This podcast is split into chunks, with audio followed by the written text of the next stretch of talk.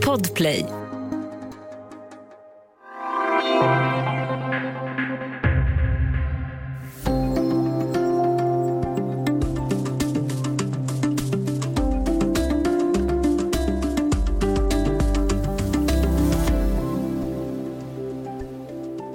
Rädda svensk fotboll, skrota villkorstrappan och eh, stoppa polisens kollektiva bestraffningar. Det här är budskap som har synts på supportrars banderoller på svenska fotbollsläktare den senaste tiden. Och det handlar om kritik mot den så kallade villkorstrappan, alltså polisens hantering av ordningsstörningar vid fotbollsmatcher.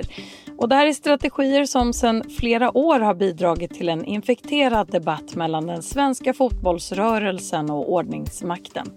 Men vad handlar den här konflikten om och går den att lösa? Välkommen till Studio DN med mig Ylke Holago.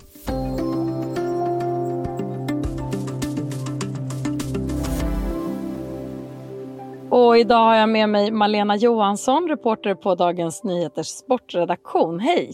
Hej! Vi ska ta ett grepp om den här lite komplexa frågan som har många olika beståndsdelar. Men låt oss börja med att reda ut det här. Vad är det här som brukar kallas för polisens villkorstrappa? Ja, det är inte helt lätt att reda ut kan man säga. För att det är egentligen ett begrepp som inte finns i polisens egna dokumentation. Där finns eh, någonting som heter åtgärdstrappan och villkorsstegen och på något vis så har det blandats ihop eller slagits ihop eller på något vis blivit till villkorstrappan. Då. Men det handlar ju om vilka eh, villkor som polisen kan ge till matcharrangörer när de ska få sitt tillstånd för att arrangera, arrangera en match. Vilka villkor som polisen ställer för att eh, man ska upp, uppfylla det här ansvaret som man har för god ordning på tillställningen. Och det här villkorstrappan, eh, Eh, det är supportrar som använder det och då menar de ju ofta det som hände 2019 när polisen började tillämpa de här villkoren på ett mer offensivt sätt kan man säga. Det var då som villkorstrappan blev ett begrepp som började användas. Så oavsett eh, vad det kallas i folkmun eller vad det borde kallas så har ju polisens eh, strategier i arbetet med ordningsstörningar, framförallt under fotbollsmatcher, lett till massiv kritik och debatt mellan klubbar, deras intresseorganisationer, supportrar kontra polisen de senaste åren. Kan vi gå in lite mer i vad den här konflikten handlar om? Det handlar ju egentligen om de här villkoren som ställs och egentligen så handlar det om eh, pyroteknik. Eh, man kan säga att det bränns bengaler på läktarna och då så vill polisen att klubbarna tar till fler åtgärder för att förhindra detta. Och då ger man olika villkor. De villkor som har blivit väldigt omstridda då som kom 2019 handlar ju ofta om att man eh, drar ner kapacitet, publikkapaciteten på en viss läktare där det då har, polisen menar att det, ordningsläget inte har varit tillräckligt bra. Så får man ta in färre personer där. Ehm, det har kommit förbud om eh, så kallade overheadflaggor, sådana här stora tygstycken som supportrarna håller upp, där det kan vara målningar och budskap av olika, olika sorts, som polisen då menar att man ehm, eh, supportrarna använder dem för att maskera sig när de eldar bengaler. Eh, så att det är den här typen av åtgärder då som polisen kräver av klubbarna som man menar hotar själva kulturen så att säga. Och hur började historien med de här de senaste årens mer repressiva åtgärder från polisens sida? Ja, alltså det beror på hur långt tillbaka man ska gå, men för ett antal år sedan, alltså för eh, tio år sedan kanske, jag kommer inte ihåg exakt datumet, så eh, kommer kanske en del ihåg att det var en stor debatt kring polisnotor som det kallades, att polisen tog betalt för eh, sitt eget ordningsarbete kring bland annat fotbollsmatchen, men det gällde även festivaler och andra tillställningar. Sen så skrotades det och under ett antal år efter det så, ehm, så gjorde polisen och, och ehm, fotbollen eh, prisades eh, liksom, och uppmärksammades internationellt för att man samarbetade så bra och det gjordes ett så bra arbete eh, kring just säkerhet, kring allsvenska matcher. Sen så fick polisen också från Statskontoret och förvaltningsmyndighet som påpekade att fortfarande så var då, trots att då man hade nått så pass långt så var då polisens kostnader vid just högriskmatcher var fortfarande för stor. Och då, eh, polisen, polisen har liksom gjort ett arbete, det handlar ju om att eh, arrangören ska ta ansvar. Och polisen ska inte vara där, polisen ska inte göra så himla mycket, utan det är arrangören som ska ta ansvaret och svara för säkerheten. Eh, och då har man nått väldigt långt, men 2019 så hände det här plötsligt då att bengalerna finns ju liksom kvar och det är mycket som har eh, förbättrats, våld, eh, stök kring matcher, eh, många saker som har blivit mycket, mycket bättre och, och eh, många som upplever att det är väldigt säkert och tryggt kring fotbollsmatcher. Men bengalerna finns kvar. Och 2019 så kom då plötsligt den här liksom, offensivare strategin från, från polisen. Och hur har eh, de här offensiva strategierna påverkat eh, relationen till klubbar och supportrar? Ja, eh, det är också lite svårt att svara på för polisen består liksom av olika delar. Sådär. Så de, de här villkoren sätts ju av juristerna på, på Polismyndigheten. Och det som klubbarna säger är att de har liksom fortsatt ofta bra dialog med mm, liksom den operativa polisen och de poliser som de har liksom, eh, som finns ute på gatan så att säga, som de har kontakt med. Men sen så sätts då de här villkoren av då de olika rättsenheterna. Och där är ju dialogen, eh, om man lyssnar på fotbollsklubbarna i alla fall, så är det väldigt eh, frustrerat så att säga, kring de villkor som de får. Och Ett argument som ofta anförs det är det här med eh, att det handlar om kollektiva bestraffningar. Vad menar klubbar och supportrar när de säger att polisens strategier leder till kollektiv bestraffning? Ja, ja polisen motsätter ju det. De, jag var, pratade med polisen idag och de säger att det är inte kollektiv bestraffning det här. Det som supportrar och klubbar menar är ju att när man drar ner till exempel eh, publikkapaciteten på en läktare så drabbas alla de som då inte får plats på läktaren helt enkelt och inte kan köpa biljett som hade fått det annars.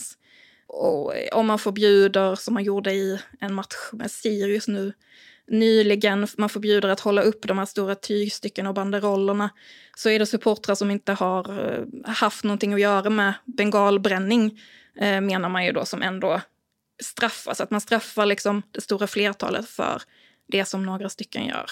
En stor del av diskussionen handlar ju om det du redan har nämnt här, bengaler, alltså bengalisk eld. Det är en slags eh, facklor, pyroteknik som skapar massiv rök och används av supportrar på läktarna, bland annat under tifon som ju är ett slags läktararrangemang och en hyllningsceremoni till laget.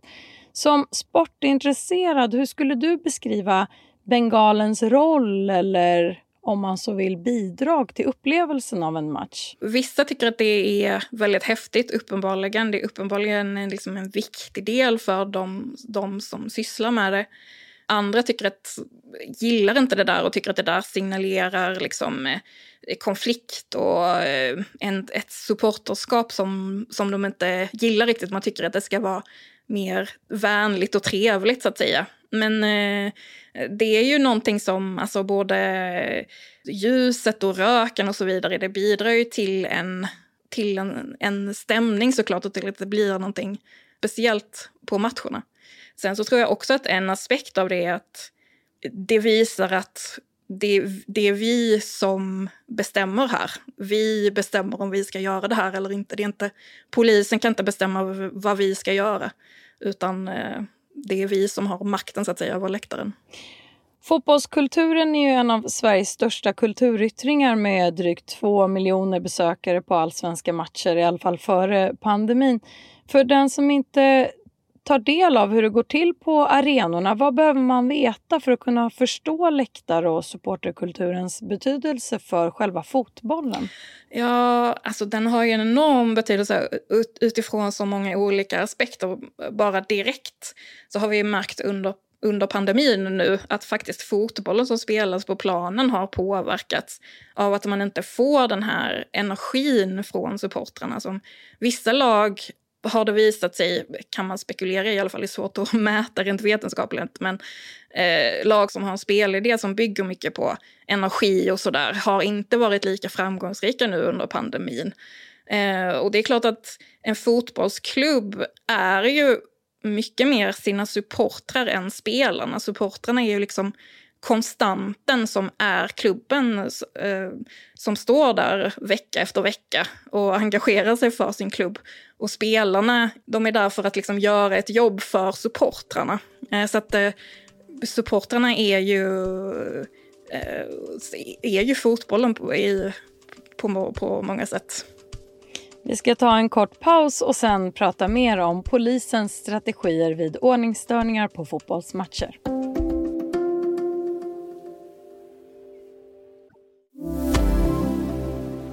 Du lyssnar på Studio DN där vi idag pratar om polisens kritiserade strategier bland många känt som villkorstrappan mot ordningsstörningar vid fotbollsmatcher. Och det här är något som Fotbollssverige menar kan ta död på supporterkulturen och innebär kollektiva bestraffningar. Malena Johansson, sportreporter på Dagens Nyheter. Du bevakar den här frågan och har de senaste veckorna pratat med både polis och fotbollsklubbar och i din rapportering så framkommer missnöje mot flera nya krav som polisen har ställt på klubbarna. Ett exempel är att klubbarna själva ska anlita vakter som då ska göra ingripanden på läktare. Varför är klubbarna emot att jobba så? Ja, man kan säga att det här gäller kanske framförallt eh, Stockholmsklubbarna och det har att göra med det här där man drar ner kapaciteten på läktaren. Man drar ner liksom publiktaket för hur många som får komma in på läktaren. Och då menar man att klubbarna måste kunna ingripa på läktaren, eh, säger då de som skriver de här villkoren i Stockholm.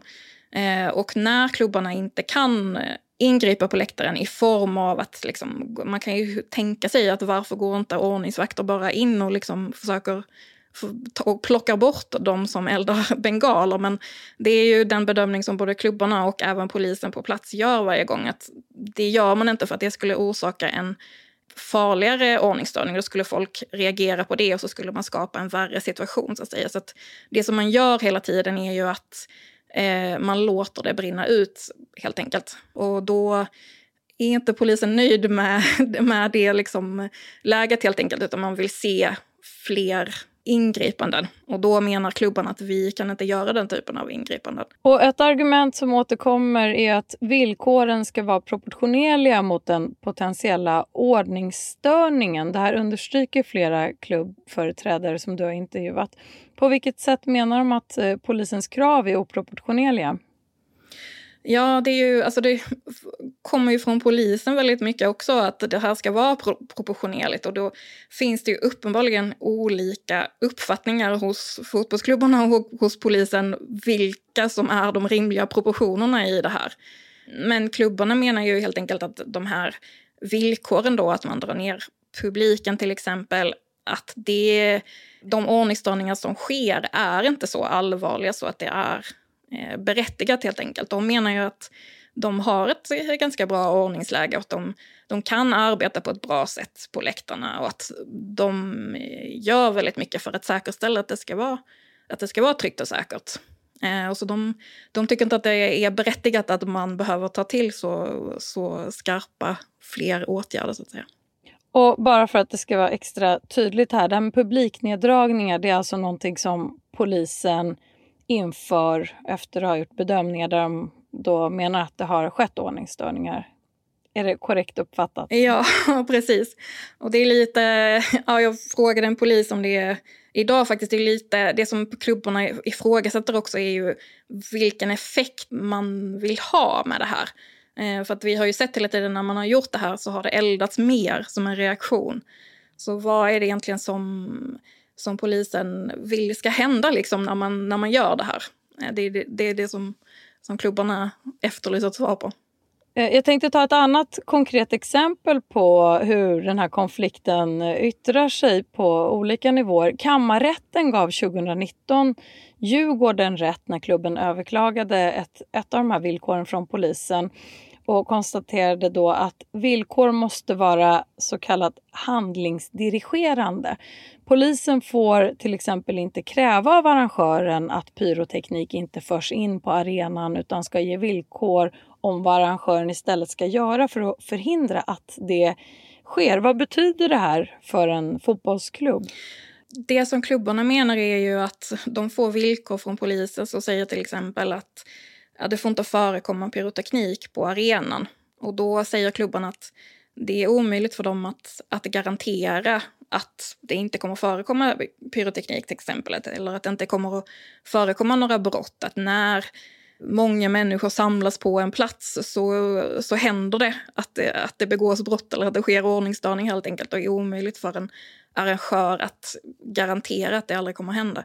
Däremot så kan man ju göra allt man kan för att se till att det inte ska hända. För att motverka att det ska hända. Och då säger den här domen från kammarrätten då att det är så villkoren måste se ut. Att de måste tala om exakt vad klubbarna ska göra.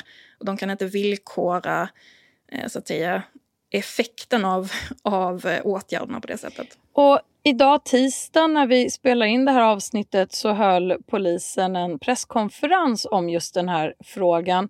Och vi ska höra Stefan Hector, chef på operativa enheten vid NOA under den här presskonferensen. Vi har ställt upp att ja, men på fem år vi vill åstadkomma en situation där egentligen polisen inte är en aktör i fotbollen. Eh, att man slipper de narrativ som vi ibland beskriver polisen mot fansen och annat. Malena, du var ju på den här presskonferensen och fick eh, efteråt tillfälle att intervjua Stefan Hector. Bara övergripande, vilket budskap var det polisen ville föra fram? Ja, jag tror, jag ska säga att eh, det har varit väldigt, väldigt svårt att få en intervju med polisen och nu så är det uppenbarligen väldigt många som har velat få en intervju och då till slut så, så samlar de alla eh, på ett ställe och man fick tillfälle att intervjua. Det är uppenbarligen så är ju polisen, som han pratar om narrativ här, uppenbarligen så är ju polisen inte nöjd riktigt med hur den här frågan beskrivs och polisen vill ju uppnå det här, det som Stefan Hector är inne på, att polisen inte ska ha så mycket med, med fotbollsmatcher att göra, utan det är liksom arrangören som ska sköta ordningen och så vidare. Och då eh, tycker ju klubbarna och fotbollen tycker att man är i princip där, att de tar ett väldigt stort ansvar idag. Och polisen har en väldigt liten roll. Medans polisen då menar att ja, men det förekommer fortfarande pyroteknik och det kan vi inte bortse från och därför så måste vi liksom fortfarande försöka åtgärda det. Och det här femårsperspektivet som Stefan Hector pratar om, hur ser utsikterna ut för att det ska kunna uppnås, tror du?